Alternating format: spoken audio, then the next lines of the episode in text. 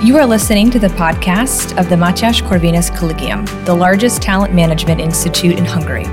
If you want to know more about our mission, please look up our English website at mcc.hu/en or check out our Facebook, Instagram, and Twitter channels. For interesting articles and analysis of our professors, external contributors, and students, look up our knowledge base at corvinak.hu/en. In this new episode, we welcome our first American guest on MCC podcast who finally joined me in person and not via Zoom or any other virtual platforms because they currently live and study and do research in Budapest in the framework of the Budapest Fellowship Program, which is the result of a fantastic and new cooperation between MCC and the Washington based Hungary Foundation. The foundation is an educational and cultural nonprofit that supports building new bridges between Hungary and the US by providing various grants, internships for talented Hungarians interested in the US and Americans interested in Central Europe and in Hungary in particular. The Budapest Fellowship is a great example of the latter. So, my guests today are among the first recipients, there are four altogether, by the way, of this fellowship. But now I'm joined by two of them, Stephen Scholl and George Bogden. Thank you very much, Stephen and George, for joining me here today on this podcast. Thank you for having us here. We're Thank very you so much. So, gentlemen, I would like to start off uh, by asking you about your professional background and interest, just to create the context of this conversation. So, where are you coming from? What are you interested in? And uh, why did you choose to apply to the Budapest Fellowship Program? Oh, I'll, I guess I'll go first then, because I probably have uh, less things I can say than George over here. But um, I'm actually a recent graduate. Um, around, I believe, last year, I graduated from the Brussels School of International Studies, where I earned my master's in international conflict and security. So, you have basically living in Europe for how many years now? Um, on and off, not not a, not quite a while in a in a row, but uh, I've lived for around a year in uh, Brussels when I was getting my master's, and actually a couple months in Greece during my undergraduate. I studied abroad uh, outside of Athens for a semester, and uh, now I guess here for my second year in Budapest. So very excited about that. Well, um, you know, I am a JD PhD student. Um, as I mentioned before we got started, you know, I'm finishing my last semester of law school. Um, and given the kind of context of COVID, I'm able to do this virtually here in Budapest um, and really enrich my kind of final year in graduate school with this wonderful exchange program. Um, I have an interest in international law and a focus in that area, um, but I also have an interest in Eastern Europe. Um, and my original academic focus when I was an undergraduate was in Turkey and Turkey's foreign policy. And so it interest that that kind of um, initial focus led me to a broader interest in Southeastern Europe and Central Europe. And so while I've um, sort of undertaken my my graduate program, I've always kept an ear to the regional developments. Um, uh, in my first uh, professional job at the Hudson Institute, I had many opportunities to learn about uh, Central Europe and so on. So uh, I see this as kind of an extension and another opportunity to hear from a, a distinct uh, country in the region that, that sees the world in a particular way. And so the question obviously comes into one's mind when reading about the fellowship and about you guys as as applicants and now now fellows of the of the Budapest Fellowship that why a young American would decide to partake in such a scholarship and move to Hungary for a year in the middle of a pandemic. I mean, now we heard we already heard some details about that could indicate your application, but still, so the question is why. Uh, well, for me, uh, you know, if you told me five years ago I'd be in Hungary, I probably wouldn't wouldn't believe you. But um, during uh, my studies in Brussels, I actually ended up focusing my uh, master's dissertation on Hungary. Uh, it was actually not originally planned, but um, it was during, I believe, the Article uh, Seven was passed by the European Parliament. So Hungary was very much on the you know minds of everybody in Brussels, and so you know it was one of those where I think it kind of jumped at me of Hungary, and so I decided to kind of pursue my own independent research on it um, and see what I could discover. And you know, through various ways or another, it kind of led me down this path where I eventually, you know, decided to now focus on Hungary and Central Europe as my uh, main focus. Uh, so it was uh, quite an unplanned but welcome path I took. Yeah, I mean, I share so much with Stephen in this regard. I mean, um, I've always thought in international relations you have to go where the action is, and there's quite a bit of action happening in Central Europe. Um, things like the Three Seas Initiative, the emphasis that the Trump administration placed on Central Europe, um, these drew my attention to you know what's taking place. Um, not to mention what I think is the occasional dissonance. Uh, perceived by by various actors between you know Hungary and Poland and other actors in the EU. So I wanted to come and really see um, what was taking place for myself and to listen very closely and to learn um, from individuals here. I've just found that the light of personal experience is the the best um, you know antidote to to misperceptions. Um, so that's that's where I was coming from. With regard to the pandemic, I mean, I know many people who've spent the last year kind of um, in a in a haze. And um, I would be wrong if I didn't say that you know I was you know spent a, a, bit of time kind of you know thinking how do I make the most of this. And uh, this opportunity came, sort of came my way, and I thought how could I pass this up? This is extraordinary. Um, so that you know, I think it was a mix of different factors. Could you share a bit about how did you find these this opportunity, or did you just Google Hungary scholarships after submitting your thesis, Stephen, or or how did you how did you actually find this opportunity? Well, for me, it, it really was a, a, one in 100 chance I would have found uh, this opportunity. Um, it was actually completely random. My mom's a high school teacher, and her school was doing an exchange program uh, with Hungarian students. And she knew I did my dissertation on Hungary, so she invited me to this dinner we were having and I actually kind of got contact with some people at the Hungarian embassy. And as part of that, I liked their Facebook page, and they shared a post by the Hungary Foundation about this program, which I saw, and I applied. So really, you know, if, if one thing had gone off, I, I, I probably would have missed this wonderful opportunity. So it really was a that was the divine intervention. No, I, I, you know I say that uh, jokingly, but actually seriously. You know, I really do think uh, there was a higher power involved because there was too many coincidences that ended up working out. But I'm very thankful that all led here? Um, you know, mine, my experiences and what led me here are kind of equally happenstance um, in the sense that um, I always tried to recruit uh, foreign Fulbrights in the United States to be interns in the Hudson Institute when I was there. Um, and uh, uh, Boglarka Bolji, uh, uh, I believe that that's her last name. It sounds like her first name shortened, but anyway, she uh, became an intern at the Hudson Institute. And she asked my boss at the time, Walter Russell Mead, to give a lecture to the young Hungarian leaders. And he had been hoping to do so, but his schedule changed. And so then at the last minute, I came and gave a lecture at Meridian House to the Hungarian Young Leaders Program. And I had a marvelous time. I mean, these are some of the sharpest young people I've ever interacted with. Um, and they uh, we we had a marvelous discussion about American foreign policy, and I kept in touch with um, you know the great guru of American Hungarian relations, uh, Anna Smith Lacey, and I follow her on LinkedIn, of course, and I saw this, and I thought. My goodness, I have to at least submit an application and see, you know, whether I could come and learn some more, and that's that's how I ended up here. So, well, I'm pretty sure that that wasn't a coincidence that you haven't been accepted. So, yeah, really, that's that's uh, involving a higher power, but still relying on on personal motivation. So let's focus a little bit on your on your presence here in Hungary and at what uh, what happened after after your arrival.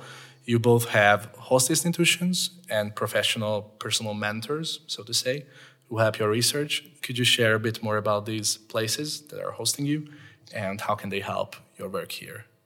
Sure, I, I, can go first. So um, I'm actually working out, I'll test out my Hungarian here at the uh, Nemzeti Emlékezet Bizottsága.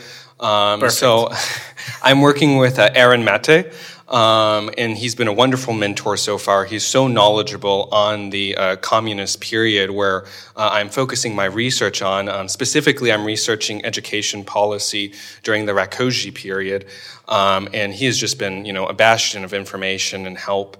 Um, and I've really been thrilled to work at the organization. Um, you know, before I, it's it's very interesting to see because obviously in the United States we don't have a, an official um, committee of remembrance, but I actually I interned at the uh, Victims of Communist Communism Memorial Foundation, which is the closest thing uh, to a committee of national remembrance. So it's so cool to see how kind of you know researching memory and national reckoning kind of translates across the Atlantic because uh, it's so much more personal here you know, as one could be expected. Um, but that kind of covers most of the uh, my relationship with the host institution. They've they've been absolutely wonderful. They've taken me on trips. um, you know, to see Memento Park, um, you know, museums across the country. So it's really been a wonderful experience for me. And you, George, you're at the Danube Institute?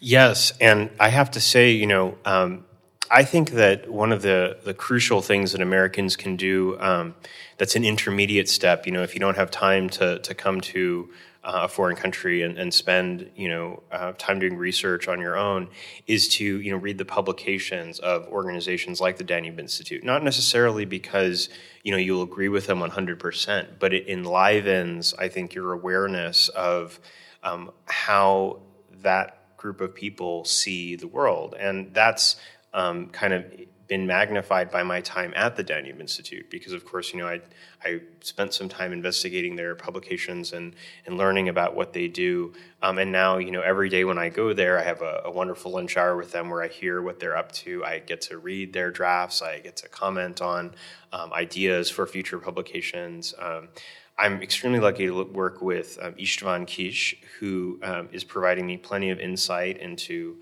um, how you know this government and previous governments have looked at foreign policy. And uh, my friends there, Tomas and um, Lydia, they they also um, are working on quite interesting projects that that are um, an education for me on how Hungarian foreign policy thinkers view the world. Yes, and despite the pandemic, you don't always sit in your offices or have meeting with your mentors. In fact, you've got many opportunities to get to know a bit better, despite this whole Corona crisis. Maybe Budapest, the people around you, and maybe other parts of the country as well. Stephen, you've already mentioned that you are you're you're visiting certain other places of, of Hungary as well. What does an average look like for a fellow? That would be my next question. Well, I, I, think one of the, you know, I, I, always hate talking about, you know, good things that result from the pandemic because it's obviously, you know, such a horrible thing that has occurred. But one, one small thing I will say is, you know, everyone I talk to now is actually generally Hungarian, even in Budapest. And I know in a normal year, you know, that's not your average uh, you know, person in the city. It's very touristy, which is of course great for the local economy, but it's harder, you know, to meet. If I go up and talk to someone, you know, I feel like they now speak to me in Hungarian, where perhaps in another year they would just assume I'm a tourist and speak English. So it's really actually, I think, been a unique opportunity to see Hungary in a little bit more of a purer form. Um, and, and, so it, has been great. You know, obviously there's there's a, big cultural difference uh, just with the language alone, um, but it's really interesting, kind of seeing um, kinsmanship. You know, because a lot of people and even Hungarians will say, you know, we're pessimistic. You know, we're, we can sometimes be a little bit standoffish. But you know, I sometimes see these little moments in the streets of Hungarians who don't know each other, and you know something happens in the street and they both laugh with each other you know so it's been really a unique experience to kind of see the culture in a first-hand sight maybe you can get more invitations to hungarian homes as well because all the coffee shops and restaurants are closed now so absolutely yeah it's, it's funny you mention that because um, you know i live on Vécsey utca in a glorious old building um, and i've had a chance just by you know the structure of the building that we have one entryway and everyone has to come up and down it uh, to meet many of my neighbors. And um, you know I've enjoyed that very much, uh, hearing their perspective on the news of the day and what America's doing and so on and so forth. That's just been marvelous. Um, and so uh, I actually had dinner with with someone who lives on the second floor. I'm all the way up on the on the fourth floor of the building. Um, but that that was wonderful, and I you know I certainly agree that we have to speak about you know silver linings um, in this in this very difficult period. Um, and I think uh, I, we're seeing a side of Budapest that um, you may not ordinarily see, um, and that's in itself extremely valuable to to kind of recognize that other cities, um, other countries are uh, under the same constraints, have the same concerns um, are, are you know facing the same realities because this terrible um, crisis for the globe is, is isolating, I think, for not just individuals but for countries as well. So now that you've mentioned the question of the language, now I, am recalling uh, a little memory that when you, you arrived, or, or you, Stephen, were there, I think at that little welcome event a few days after your arrival. And at a certain point, the also earlier mentioned Anna Smith Lacey, the executive director of, of the Hungary Foundation, asked all of us non Americans or, or locals, uh, mainly Hungarians, to give you a personal advice for the following months. And I remember that I've been thinking very hard before my turn what to say and what to suggest. And yeah, ultimately, I found a good one, I believe. I said that do not let you discourage when it comes to the Hungarian language. So I, am just I just want a little follow up here. That uh, how do you how do you advance with that, and what are your experiences with the language? Um, well, so they really threw us right in. So we take around uh, six hours a week of language classes, which um, I would say is probably barely enough uh, to really get a grasp on the Hungarian language. Um, you know, I had some experience with uh, learning German before. Um, and now I think German's very easy language to learn. Um, but you know, as different as Hungarian is, you know, just I think sometimes the thought process is different. Um, you know, I've realized kind of the logic behind it, which I think is the key to learning any language, is kind of putting yourselves in in the other culture's shoes and see how they think. You know, what are the rules of their language? So you know, it's one of those. it, it is very difficult to translate, but once we start learning the rules, whether it's vowel harmony, you know, or other kind of grammatical, um, you know, aspects of the language like that, it actually kind of falls into its place. Actually, um, actually, sorry, I'm very happy you say that because one of the the the main accusations against Hungarian that there is no logic in it. That's why it's very difficult to learn. But I mean, I, for me at least, I just appreciate, what you can't say about English, is most of your pronunciation of your letters stay the same, which of course, you know, I realize now how difficult English is to learn. So as difficult as it is for me to learn Hungarian, I now realize how difficult it must be for Hungarians to learn English. And I think in some ways Hungarian's a little easier than English to understand. Okay, we absolutely take it as a compliment. So, and for you, George, you have arrived a bit later, but still you have some firsthand experience with Hungarian. Yeah, I mean, I'm indebted to the Ulysses School for helping me with um, sort of private tutoring before I came, and so I, you know, did as much of that as I could, and I took it as seriously as I could. And so, getting here, you know, it's been. Um, really uh, great to finally be able to apply in everyday life those idioms and expressions I've been slowly gleaning. I will say that uh, in college, you know, I studied Turkish, which also has vowel harmony, and so, um, I, I, you know, I think for some people it may be a bit of an acquired taste, but once you realize um, kind of how beautiful it can make sentences, how lyrical um, prose can become, you you develop a kind of appreciation for for this um, linguistic form. Um, and uh, you know, I would say also that uh, part of the the the kind of beauty of learning a language like Hungarian is that you realize that uh, it's a mosaic and it's full of language um, from other civilizations, chauffeur, you know, different words taken from different contexts, and uh, that's really special because it tells you a little bit about the history. Um, I guess the last point that I would make is really just to reiterate what Stephen said. You know, um, I grew up in Hawaii, uh, the one of the most ethnically diverse states in the union, um, and uh, you learn very early on um, the kind of you know mixture of languages that takes place, but also the necessity of being um, not just bilingual but or trilingual, but bicultural and tricultural. And so, seeing um, my peers at MCC and other places um, adopt you know various uh, um, you know activities and customs and th- that that attunes me to to what um, Hungarian culture is all about, and I, I cherish that. And speaking of the language of the and the culture, I think you are both of you are well informed about Central Europe and the Hungarian history and customs more or the traditions compared to the to the average Americans. And and, and I think it's it's absolutely normal so it's it's not it's not a bad thing on the contrary. Um, so my question would be what kind of initial thoughts or impressions had you had about Hungary and how have they changed with time? Like you had it before like impressions or readings about Hungary and you know what kind of people are living here and then what what have you experienced? Um, for me i trying to think so i made a typical mistake one often made in brussels where when i researched hungary i didn't visit hungary. Um, but you know it's one of those that even not being in hungary you know i took a really honest approach and read through hungary's history.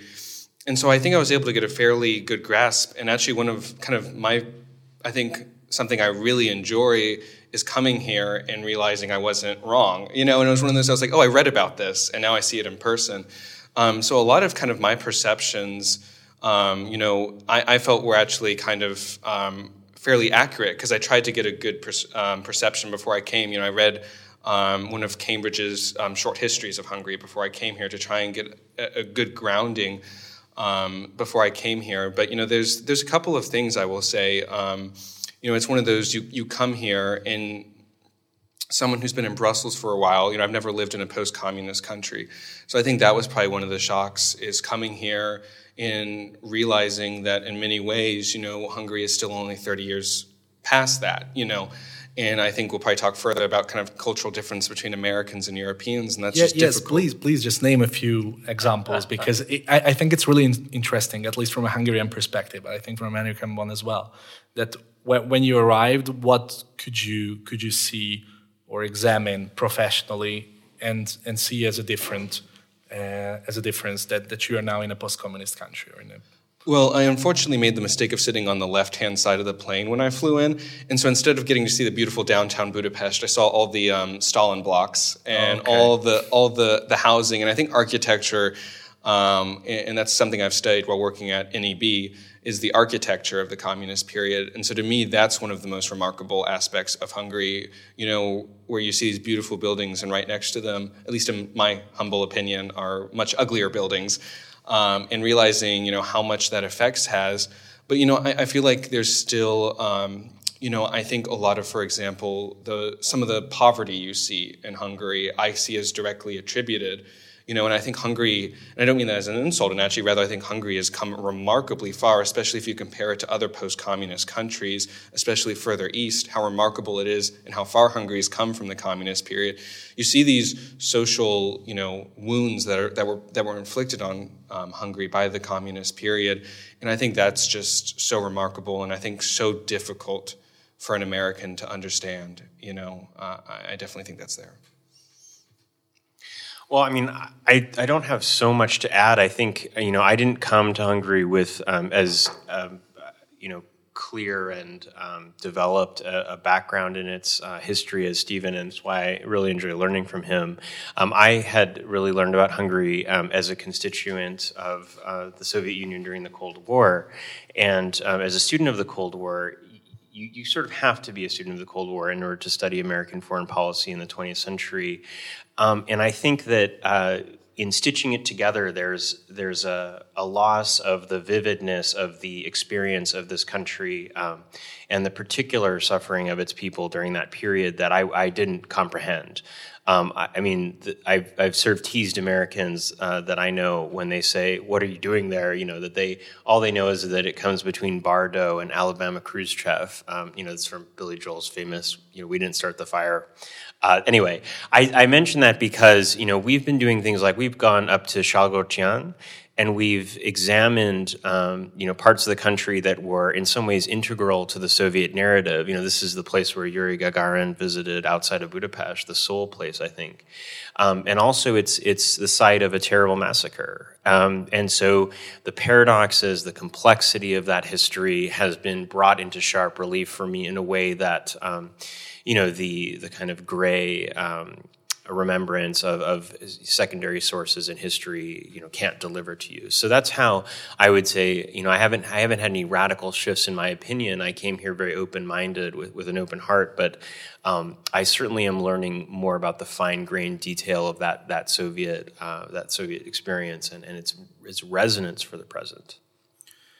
And stephen now i would like to turn to you with a with a particular question because your your research focuses is on history, and as you as you've mentioned, on the Rákosi regime, which is one of the darkest chapters of the Hungarian history of, of communism as well. Um, and you also wrote a great article for the National Review recently, which was published on Christmas, I think exactly on Christmas Day in 2020, about the communist Christmas story. So we have already touched upon it. Uh, that although you are you both are coming from a country that luckily has never experienced any totalitarian regimes, but these very bloody and terrible lessons of history has something for, for everyone, you know, to learn. Uh, what's your take on it, and what would you say regarding this whole topic? I, I definitely think there's something you know Americans can learn uh, from you know unfortunately Hungary's. I don't want to say Hungary's experiment because it wasn't your experiment; it was forced on you by the Soviets. But your experiment with communism, because, or at the very least, an awareness of it, because like something I had to continue to wrap my head around. You know, in the United States, you know, there's a nostalgia for the 50s, 60s, and 70s. We think of the fashion, we think of TV shows, you know, and it's kind of viewed as this like great, like we love shows about the 70s or 50s. And in Hungary, these were incredibly dark times. You know, the 50s were the darkest time in, in you know, the last century of Hungarian history.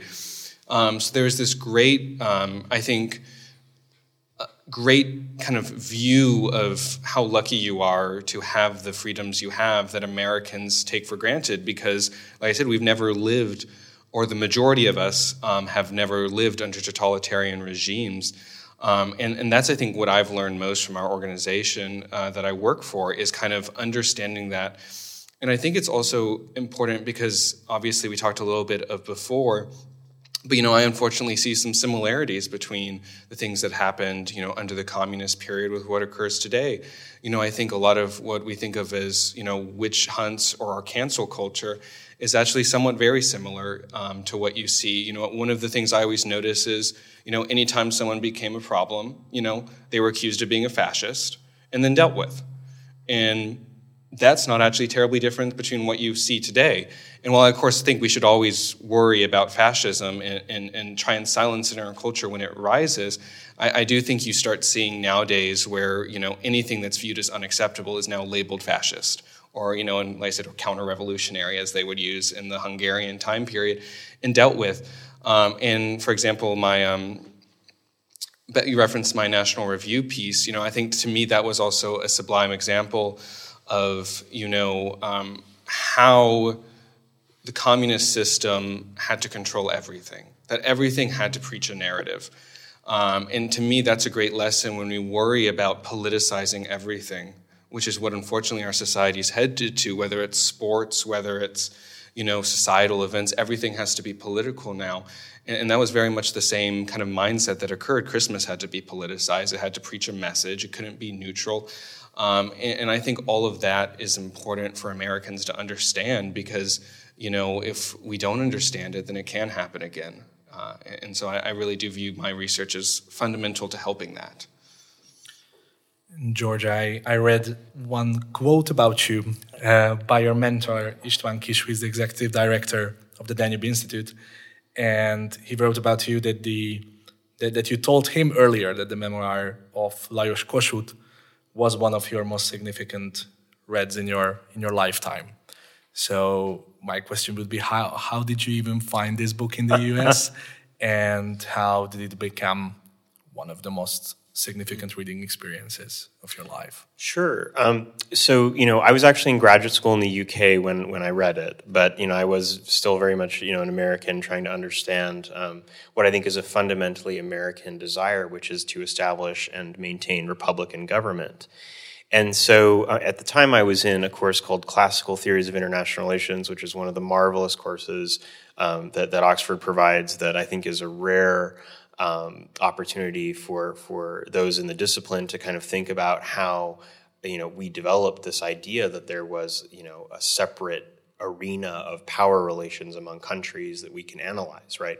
And so um, there are different schools of thought, and uh, one of the schools of thought that uh, has been discussed is this concept of an, a Republican tradition or a Republican tradition of war, um, which is um, you know how how do you define a country um, and how, where does its legitimacy come from? And so, uh, in in the context of studying that tradition of thought. Um, I examined uh, Kossuth in relation to thinkers like Thomas Jefferson, um, Paoli, um, Garibaldi, all these leaders who attempted um, in the uh, 18th and 19th centuries to establish republics in their in their Western um, uh, milieu. And so, in that sense, Kossuth is part of a, a fabric of um, you know that period that's trying that was that was an attempt to create um, countries. At, at, a broader level, um, I argue now that we need to think about people like Kossuth because, um, in a sense, he, he's a he's a, a, nest of contradictions. You know, he came from a multi-ethnic um, province in the north. Um, he came from a, heralded, uh, famed Hungarian family. I mean, yet he had the same skepticism for um, the uh, sort of aristocrats of Budapest as he did the authorities in Vienna, right? And so um, he gives us quite interesting insights about um, where our contemporary instincts come from when we ask questions like who gets to define a nation? Where does a nation come from? How significant are borders? Because the title of his memoir, My Life as an Exile, um, really powerfully captures his sense that he never attained and that the Hungarian people were deprived um, of a homeland in which they had what you know we might call today self-determination. So that's how I came to study Kossuth, um, why I treasure the opportunity to discuss him with, with Hungarians, um, and why I always keep my ears open uh, when, they, when they criticize or when they disagree with him or when they um, agree with him. Those are all things that, that help me to understand where he fits in the miraculous history and particularly the intellectual history of this, of this place. Well, unfortunately, the time is short, as the apostle says and so we have to close. Although I would have a thousand more questions to you, really. However, let's also use this occasion to speak to your fellow Americans who are listening to this podcast right now. And I would have, uh, on this regard, two final questions to you. The first one would be why would you recommend them or to anyone to get to know Hungary or even visit it? And the second one, to whom would you suggest or recommend the Budapest Fellowship Program? Um, well, you know, it's a, that's a tough question. Uh, I think there's many reasons to visit Hungary, but I think it's important to visit for Americans because it's going to sound like a contradiction, but because it's so similar and yet so different. You know, I think in many aspects, um, you know, Hungary's fierce sense of independence is very similar to an American sense of independence. Um, but you know, as we kind of a little bit talked about with their history, their history is very, very different.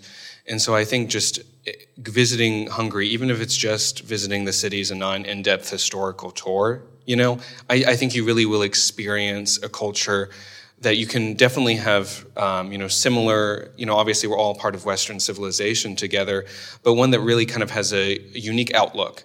And I think kind of what we talked about that helps raise American awareness. Um, so I, I, think there's several reasons, but I, for me at least, I would recommend Americans to visit it because I really do think they'd get a new perspective and one that they could actually understand because of the similarities.